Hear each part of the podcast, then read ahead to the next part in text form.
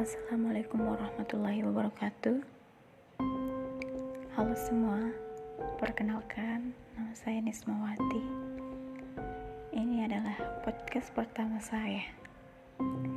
Kali ini saya ingin sedikit menceritakan pengalaman horor yang pernah saya alami. Oke, okay. waktu itu saya masih berstatus maba karena waktu itu saya belum mendapatkan kosan yang sesuai dengan keinginan saya. Jadi saya memutuskan untuk tinggal di asrama kakak saya di universitasnya. Kebetulan saya dan kakak saya beda universitas. Di minggu pertama saya di asrama itu, saya udah ditinggal sendiri oleh kakak saya selama tiga hari. Setiap menjelang maghrib, saya tidak pernah keluar kamar sampai menjelang pagi karena waktu dulu saya saat saya SMA banyak kejadian-kejadian aneh yang terjadi di rumah setiap saya ditinggal sendiri. Dari kejadian-kejadian itulah saya menjadi takut, menjadi penakut dan tidak mau keluar kamar. Di hari kedua saya tinggal di asrama kakak saya, tepat pada tengah malam, saya terbangun. Saya terbangun dan tidak bisa menggerakkan tubuh saya seperti tertindih gitu. Saya mencoba membuka mata. Saya berusaha menggerakkan badan saya dan hasilnya nihil. Hingga beberapa menit kemudian, saya melihat kepala sosok perempuan yang berada di kaki saya. Saya pikir itu cuma halusinasi saya. Jadi saya tutup mata saya, lalu saya buka kembali untuk memastikannya. Dan ternyata sosok itu masih ada.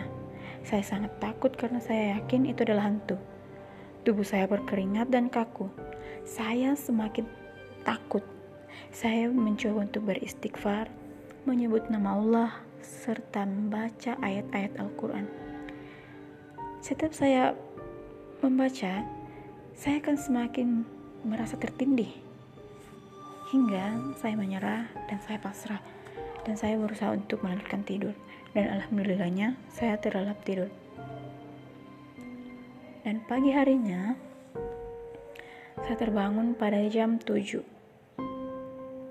Saya langsung mandi karena badan saya penuh dengan keringat.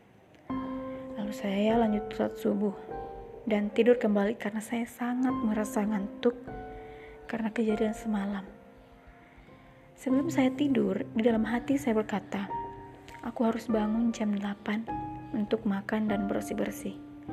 Dalam kondisi master tidur, saya merasa tubuh saya seperti tertindih lagi. Saya mencoba bergerak dan berkata dalam hati, "Ya Allah, kenapa lagi ini?"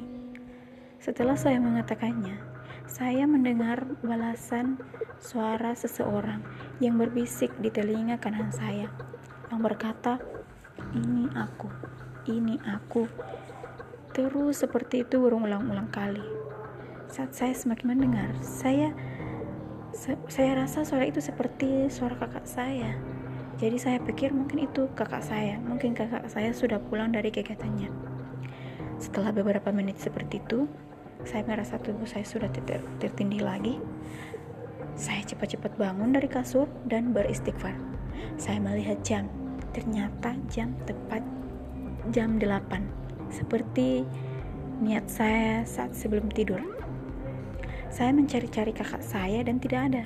Saya mencoba telepon, ternyata kakak saya masih di tempat kegiatannya. Jadi, suara siapa yang saya dengar itu? Oke, terima kasih sudah mendengar cerita singkat saya. Wassalamualaikum warahmatullahi wabarakatuh.